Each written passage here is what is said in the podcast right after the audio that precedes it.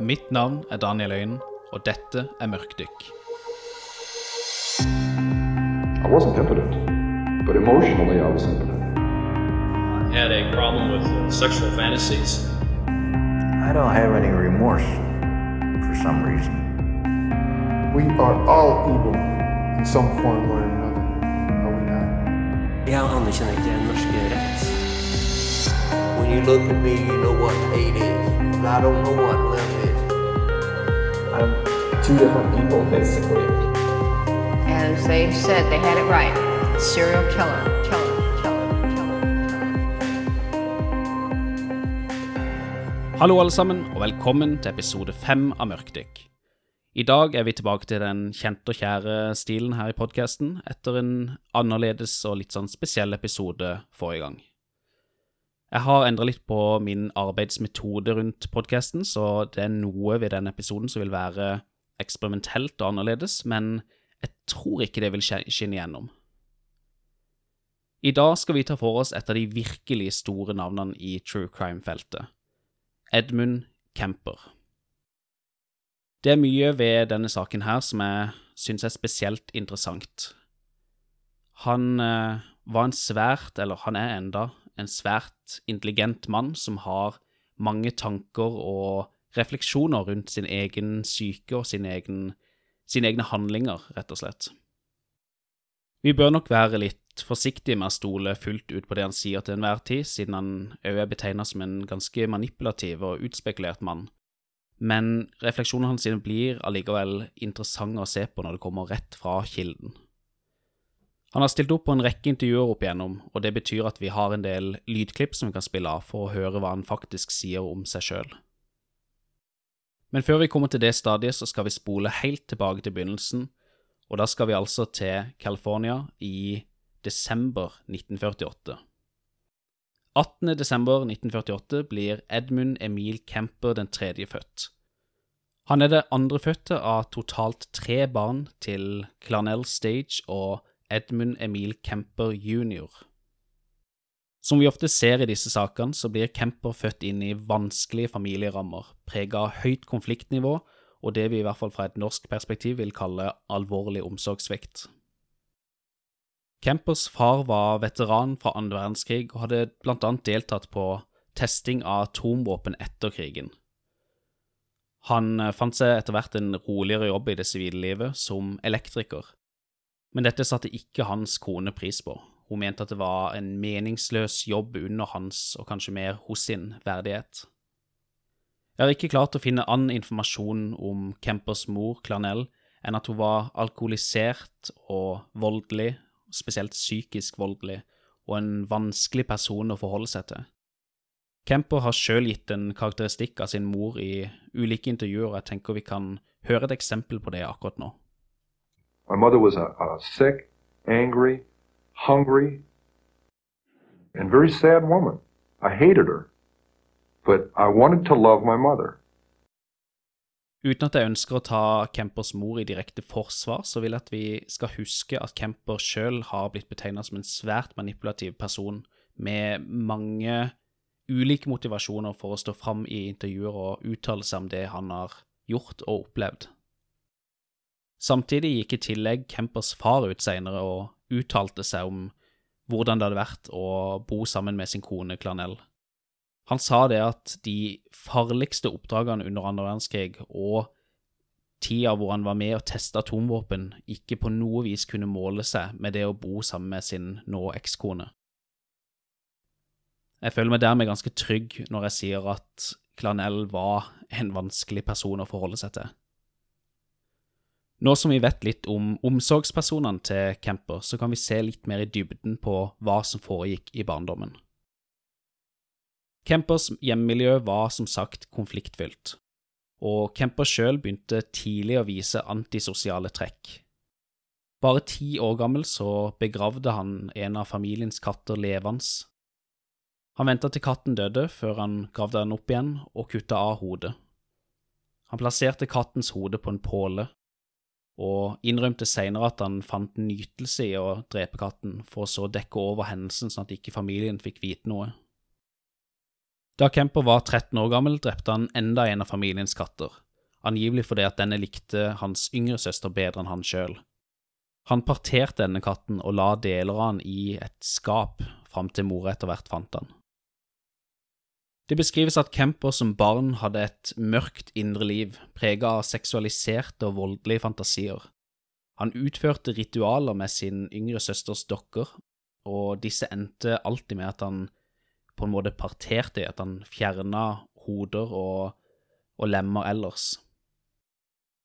Hans eldre søster spurte han på et tidspunkt om hvorfor han ikke prøvde å kysse den ene læreren sin, som han hadde en form for fascinasjon for.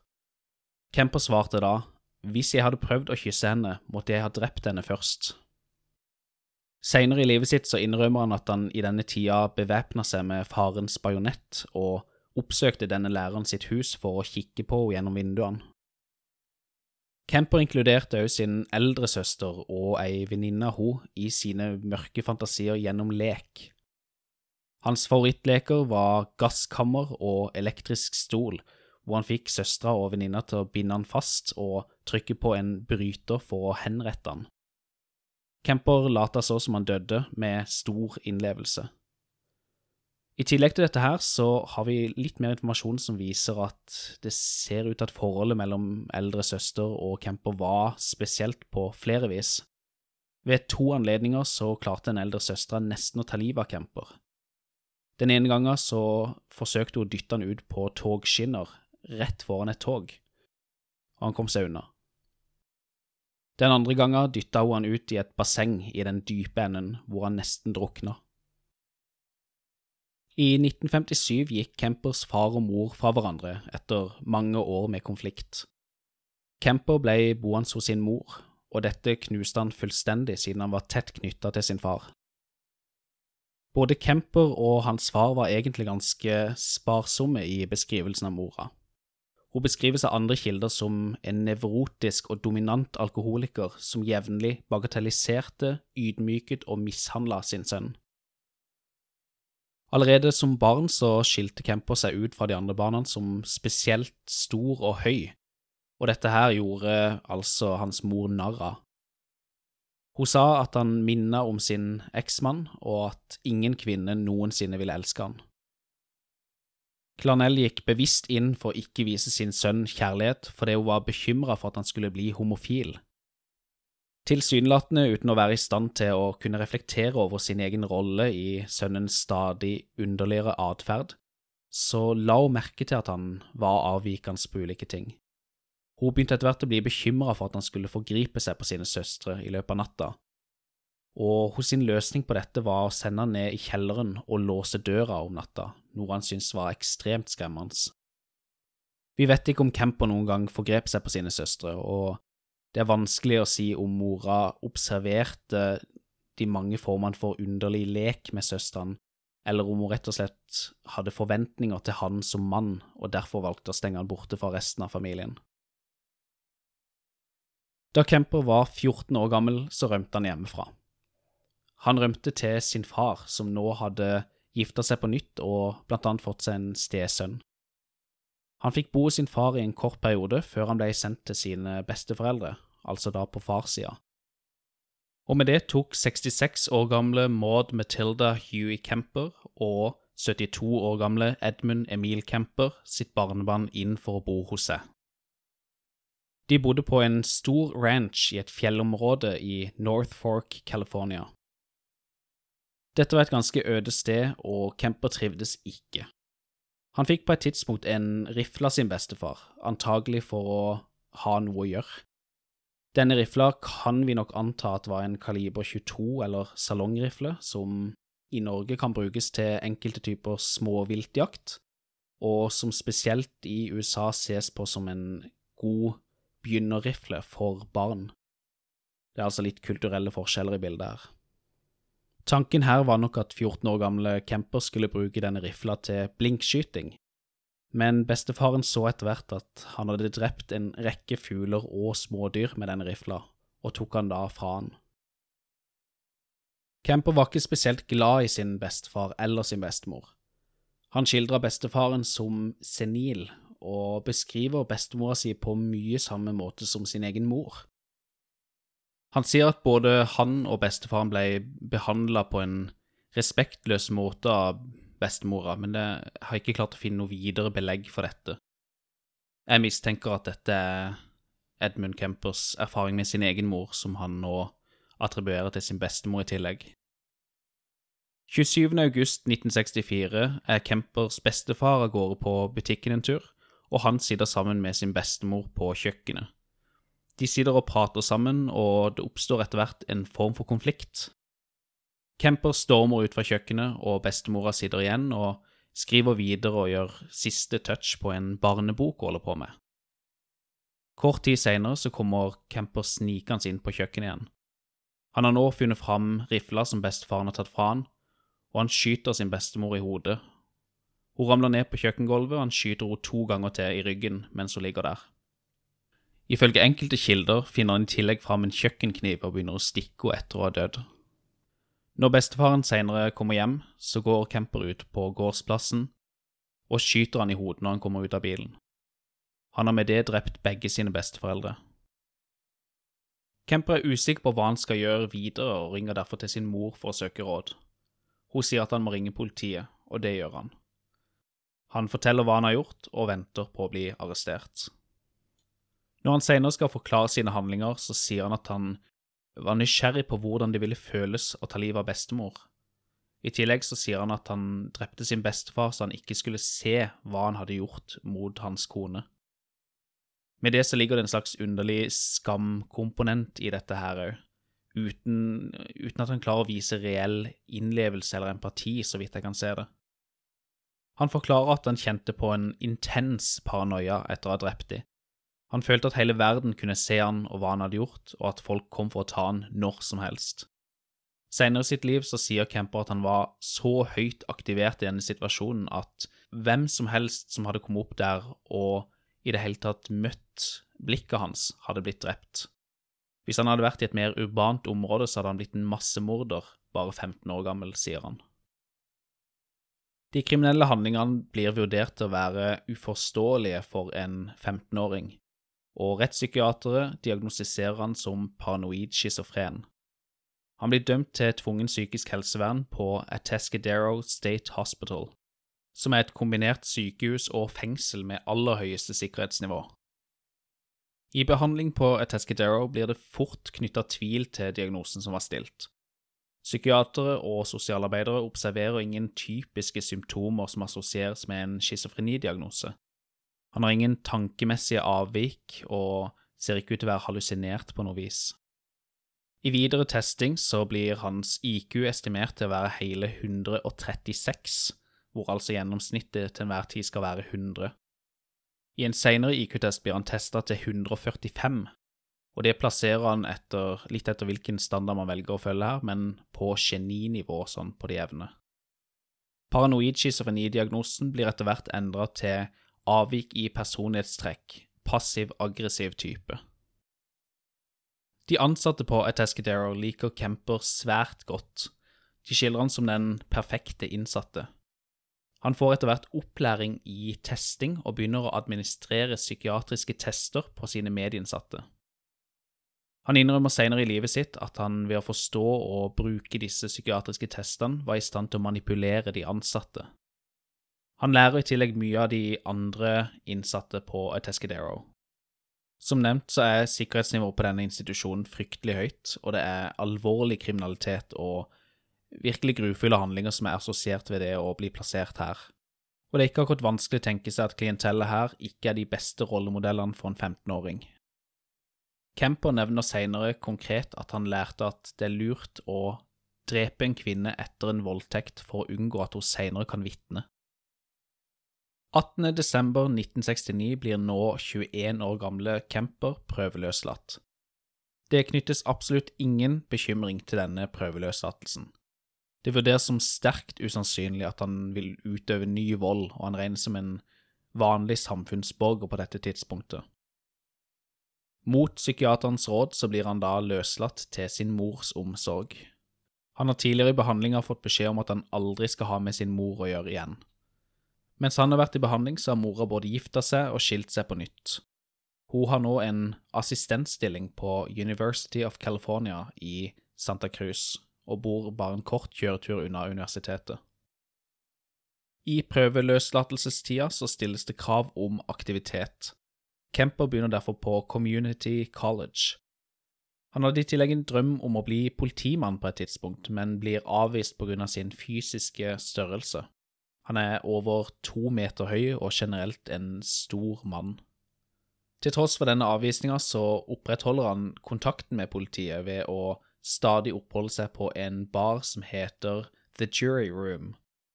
Dette er altså en bar som da er spesielt populær blant politifolk.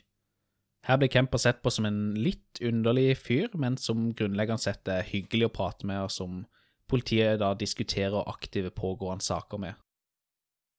Han har videre en rekke ulike småjobber før han til slutt får en jobb hos State of California Division of Highways. Han bor enda hos sin mor, og konfliktnivået har begynt å eskalere og er nå såpass høyt at naboene har begynt å høre kranglene. Kemper sier senere at mora insisterte på å krangle over den minste ting, og at det var svært vanskelig for han å være fanga av disse konfliktene. 29.11.1972 ble Kemper vurdert som fullstendig rehabilitert, og som en konsekvens av dette så ble journalen fra hans behandling på Tescadero destruert, sånn at han skulle få begynne på voksenlivet med blanke ark. En psykiater vurderte på dette tidspunktet at Kemper ikke utgjorde noen fare for verken seg sjøl eller andre mennesker i samfunnet. Siden prøveløslatelsestida nå var over, kunne han òg flytte ut fra sin mor, og gjorde det ganske fort sammen med en venn. Men selv om han flytta ut fra sin mor, så fortsatte konfliktene med henne. Hun ringte han ofte, og hun kom på overraskelsesbesøk. I tillegg så hadde Kemper ofte litt økonomiske utfordringer som gjorde at han faktisk måtte søke hjelp hos henne. Han ble òg forlova på et tidspunkt her, men omstendighetene rundt dette er stort sett ukjente på grunn av personvern. Men bare det at han ble forlova, viser at han hadde en viss grad av suksess med det motsatte kjønn, og det synes jeg er interessant fordi at han senere kommer til å si at hans frustrasjoner knytta til å ikke komme noen vei med det motsatte kjønn, var en vital grunn til at han gjorde de tingene han kom til å gjøre. Mellom mai 1972 og april 1973 skal nemlig Kemper vise at psykiaterne ved Tascadero har tatt fullstendig feil når det gjelder han. I denne perioden så ser hans voldelige og mørke fantasier ut til å vokse i omfang og på en måte melde sin ankomst igjen, og da spesielt etter konflikter med hans mor. Kemper hadde mottatt en solid sum med penger etter et søksmål med bakgrunn i en påkjørsel hvor han hadde blitt skada. Han brukte blant annet disse pengene til å kjøpe seg en bil, og han likte veldig godt å kjøre rundt i denne bilen og bare kikke. Når han kjørte rundt og kikka, så la han merke til at det var ganske mange unge kvinner som haika langs veien, og han begynte å plukke de opp. Han estimerer sjøl at han plukka opp rundt 150 haikere før de mørke fantasiene begynte å melde seg konkret knytta til akkurat disse situasjonene. Etter hvert som de voldelige seksuelle fantasiene begynte å ta større og større plass mens han kjørte rundt på haikere, så begynte Kemper å ta seg sånne små friheter. Han begynte å ta med seg våpen, kniver og pistoler og annet utstyr som han kunne bruke til å ta livet av personer. Det var ikke det at han nødvendigvis hadde tenkt å gjøre det, det var bare at han ga seg sjøl en slags tillatelse til å ha muligheten til å eskalere situasjonen. Akkurat denne gradvise flørtinga med sine egne mørke og voldelige fantasier synes jeg er veldig, veldig fascinerende. Og jeg tenker her skal vi ta og høre et lengre lydklipp av Kemper sjøl som prater om akkurat dette. And I'm picking up young women. And I'm going a little bit farther each time. It's. First, there wasn't a gun. I'm driving along. We go to a vulnerable place where there aren't people watching, where I could act out, and I say, no, I can't. And then a gun is in the car, hidden. And this craving, this awful, raging, eating feeling inside. I could feel it consuming my insides. This fantastic passion. Uh, it was overwhelming me. It was like drugs, it was like alcohol. A little isn't enough. At first, it is. And as you adjust to that psychologically and physically, you take more and more and more. It's the same process. So it finally came down to the thing of do I dare bring this gun out? already realizing if that gun comes out, something has to happen. It was going to happen. Og Kemper hadde helt rett. Det kom til å skje noe. 7. mai 1972 kjører Kemper rundt i Berkeley i California.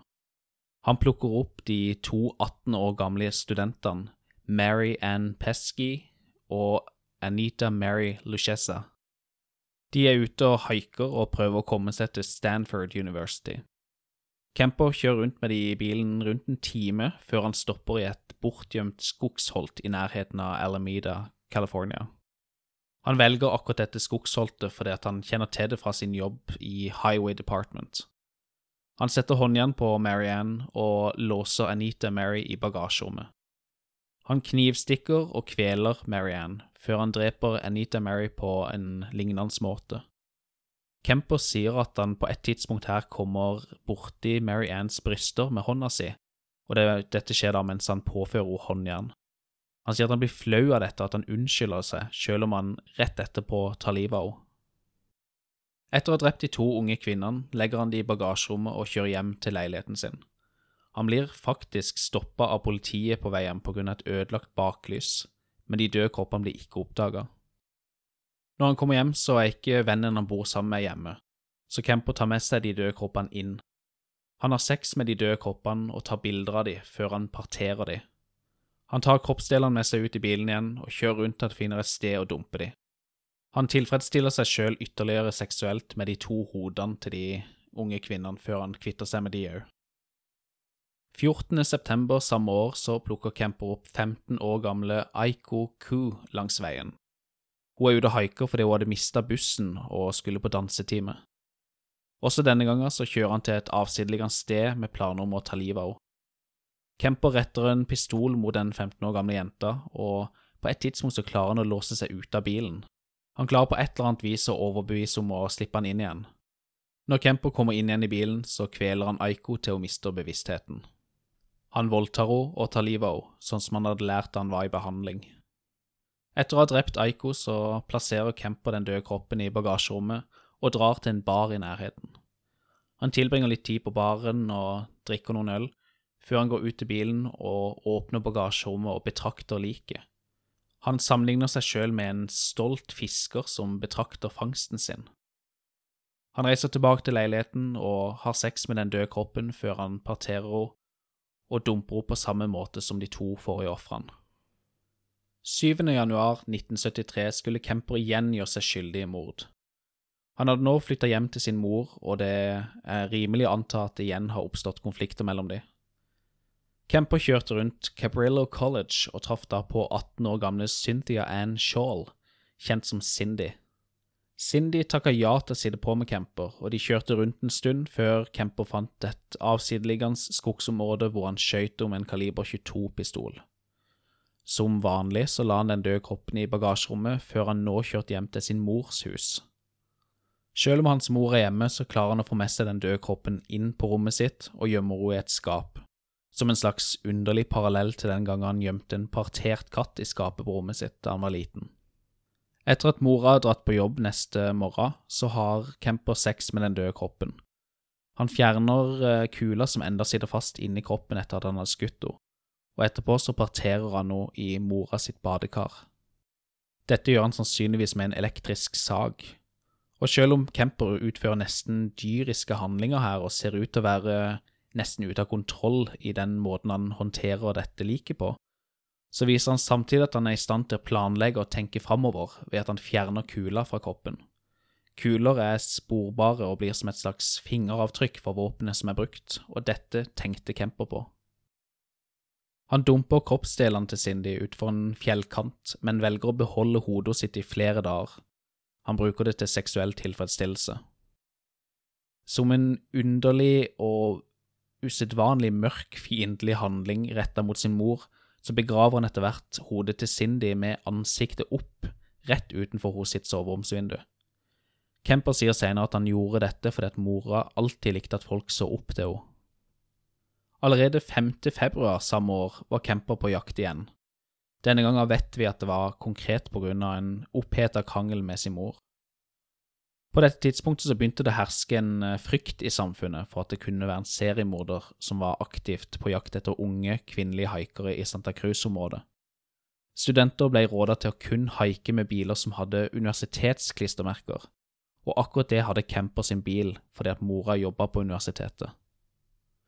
Han treffer på 23 år gamle Rosalind Heather Thorpe og 20 år gamle Alice Helen Liu, som gikk under kallenavnet Alison.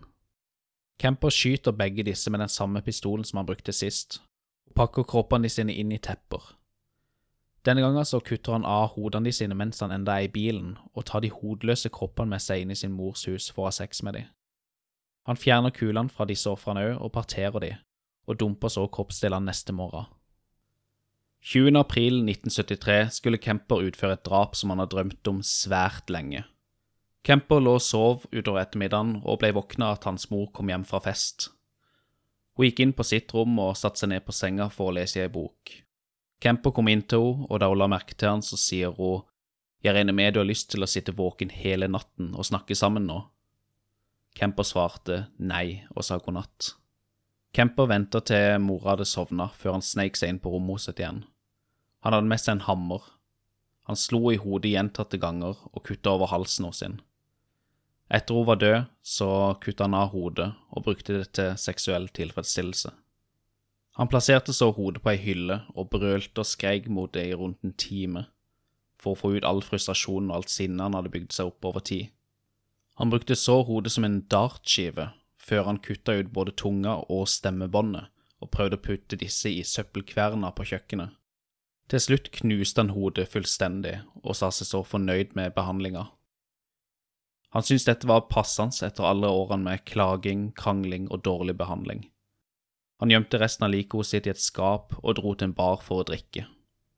Da han senere kom hjem igjen, inviterte han mora sin bestevenninne, 59 år gamle Taylor Hallett, på middag og film. Da hun ankom, så ble hun kvelt til døde av Kemper og gjemt i et skap, hun òg. Han gjorde angivelig dette for å lage en dekkhistorie som gikk ut på at hans mor og bestevenninne hadde gått på ferie sammen. Kemper vasker og rydder som ytterligere grep for å skjule at det har skjedd noe kriminelt.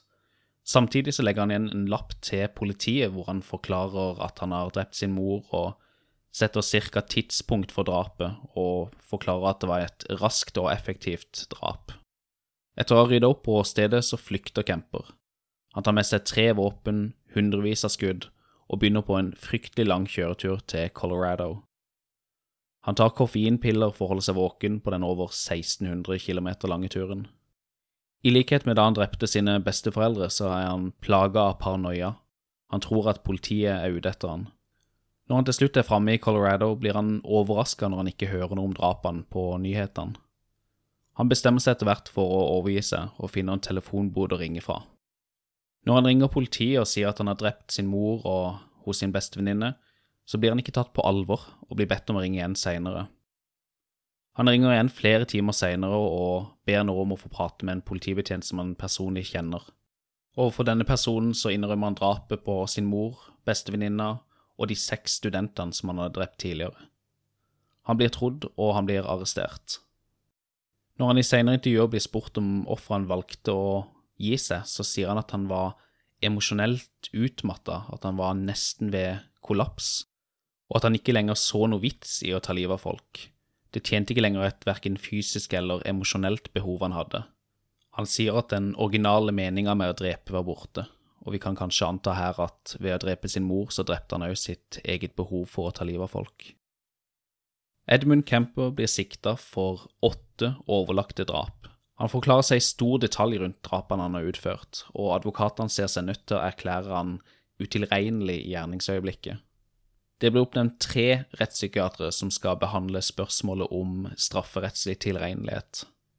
Gjennom deres prosesser med Kemper og alle opplysninger rundt han, så blir offentligheten kjent med en rekke ubehageligheter ved Kemper. Det kommer blant annet fram at Kemper sannsynligvis har bedrevet kannibalisme på ulike tidspunkter. Han har kutta strimler av kjøtt av beina til enkelte av ofrene sine og stekt det, for så å spise det. Akkurat denne innrømmelsen trekker han senere tilbake. Videre sier Kemper at han drepte fordi han ønska å eie ofrene sine fullstendig. Han eh, sier òg at han hadde en slags topersonlighet-inndeling. At han hadde en mørk personlighet boende inni seg, og at det var denne drapspersonligheten som kom fram i drapsøyeblikkene. Basert på opplysningene i denne saken og de tingene Kemper har gjort seg skyldig i, så er det nok mange som vil tro at han ikke var tilregnelig. At han var fullstendig ute av kontroll, en gal mann som ikke hadde kontroll over egne handlinger. Men Kemper blir faktisk funnet til å være fullt ut strafferettslig tilregnelig. Han kjente konsekvensene og omstendighetene rundt det å ta liv, og rettspsykiateren konkluderer med at han likte tanken på å være en berykta seriemorder. Han blir til slutt funnet skyldig på alle tiltalepunkter og dømt til livstid i fengsel. Han etterspør sjøl dødsstraff, og da spesifikt ved å bli torturert til døde, noe han da ikke får innvilga. Han blir sendt til California Medical Facility for å avtjene sin straff, og ender da interessant nok med å sone samtidig som Charles Manson og seriemorderen Herbert Mullen. Og vi skal fort se at dette her er rammer som Kemper kjenner godt fra tidligere, og som han vet hvordan han skal manipulere. Han syns at Herbert Mullin er en irriterende person å være rundt. Den eh, andre innsatte synger ofte høyt og er generelt plagsom. Kemper kaster vann på Mullin når han synger, og gir han peanøtter når han oppfører seg fint. Dette fungerer bra, og Merlin oppfører seg etter hvert sånn som Kemper forventer. Han utfører dermed et uh, atferdsmodifiseringsopplegg som faktisk virker. I likhet med sitt opphold på Atascadero tidligere i sitt liv, så tilpasser han seg bra, og han får fort ulike oppgaver og ansvarsområder. Blant annet så begynner han å lese inn lydbøker for blinde, og allerede i 1987 så hadde han lest inn over 5000 timer med lydbok. Edmund Kemper er i dag 71 år gammel, og enda i live på det tidspunktet denne episoden slippes. Han har søkt om prøveløslatelse en rekke ganger, og sist gang var i 2017, men fått nei hver eneste gang. Neste gang han kan søke, er i 2024. I 2015 hadde han et eh, hjerneslag som ser ut til å ha hatt rimelig store medisinske konsekvenser for han. Han har derfor sagt fra seg en del av de ansvarsoppgavene han har hatt i fengselet fram til nå. Vi begynner nå å nærme oss slutten av denne episoden med høyt tempo, og jeg vil bruke litt tid på slutten til å reflektere over saken og til slutt spille et lite lydklipp som jeg har tenkt på. Det er veldig interessant å se hvordan Kemper navigerer sin egen sykelighet, hvordan han er aktivt interessert i det som rører seg i eget hode, og prøver å reflektere og plassere det han tenker. Han har både stilt opp i masse intervjuer og i tillegg samarbeida mye med FBI til tider for å bidra i kartlegginga av sånn type atferd man ser hos seriemordere. Han har jo selvfølgelig en egeninteresse her fordi at han liker å være seriemorderen. Han liker å være i fokus, og at noen interesserer seg for han. Men samtidig så tenker jeg at han virkelig har gjort viktige bidrag i fagutviklinga og forståelsen av seriemordere. Så langt her i Mørkdykk så er det ingen tvil om at denne saken inneholder de virkelig styggeste opplysningene til nå. Og drapene som Kemper har utført, er, de er virkelig stygge. Vi kommer ikke unna det på noe vis. Samtidig så ser jeg at også i denne saken, som de andre, så er det en kontekst for det vi ofte velger å kalle ondskap. Edmund Kemper som fenomen har ikke oppstått i et vakuum. Han ble født inn i vanskelige familierammer og hadde deler av sin opplæring på Atescadero blant de andre hardbarka kriminelle. Systemsvikt førte til at han ble tilbakeført til sin mor etter behandling, og at hans sykdom kunne utvikle seg ukontrollert videre. Vi kunne sett mye på politiarbeidet her, og stilt mange spørsmål ved hvorfor han ikke ble oppdaga tidligere. Men når alt kommer til alt, så må man se dette i kontekst av den tida det skjedde, og det er vanskelig å finne et fasitsvar på hvorfor ting ble som det ble. Helt på slutten her så vil jeg spille et lydklipp som jeg har tenkt på i flere år siden jeg først hørte det. I dette klippet forteller Kemper om når han hadde med seg et partert hode inn i leiligheten han tidligere delte med en kamerat. Jeg syns det er noe ved dette klippet som berører selve kjernen av Kempers opplevelses- og virkelighetsverden. La oss høre hva han har å si om å nesten miste kontakt med virkeligheten. To be walking up the stairs with a camera bag that belonged to a young woman that had her severed head in it. walking up to my apartment past a happy young couple coming down the stairs who nodded and smiled at me as they went by. Good evening. And they're going out on a date where I'd love to be going. And I'm aware of both of these realities, and the, dis- the distance between those two is so dramatic, so amazing, so violent that that really, I could feel the wheels squeaking inside. That was really pulling on it. And I imagine at that point some people break. But I didn't literally go insane. I didn't get lost.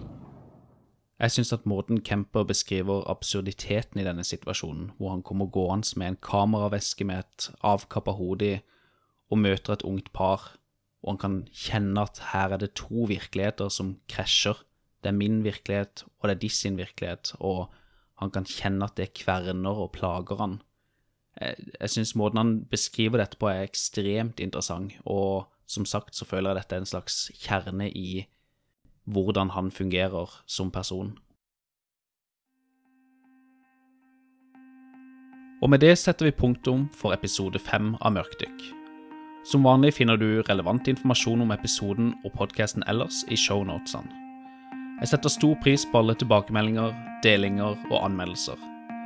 Til tross for at det har vært fryktelig lenge siden forrige vanlige episode her i podkasten, så fortsetter han å vokse. Det syns jeg er veldig gøy å se. Takk for at du lytter til Mørkdykk.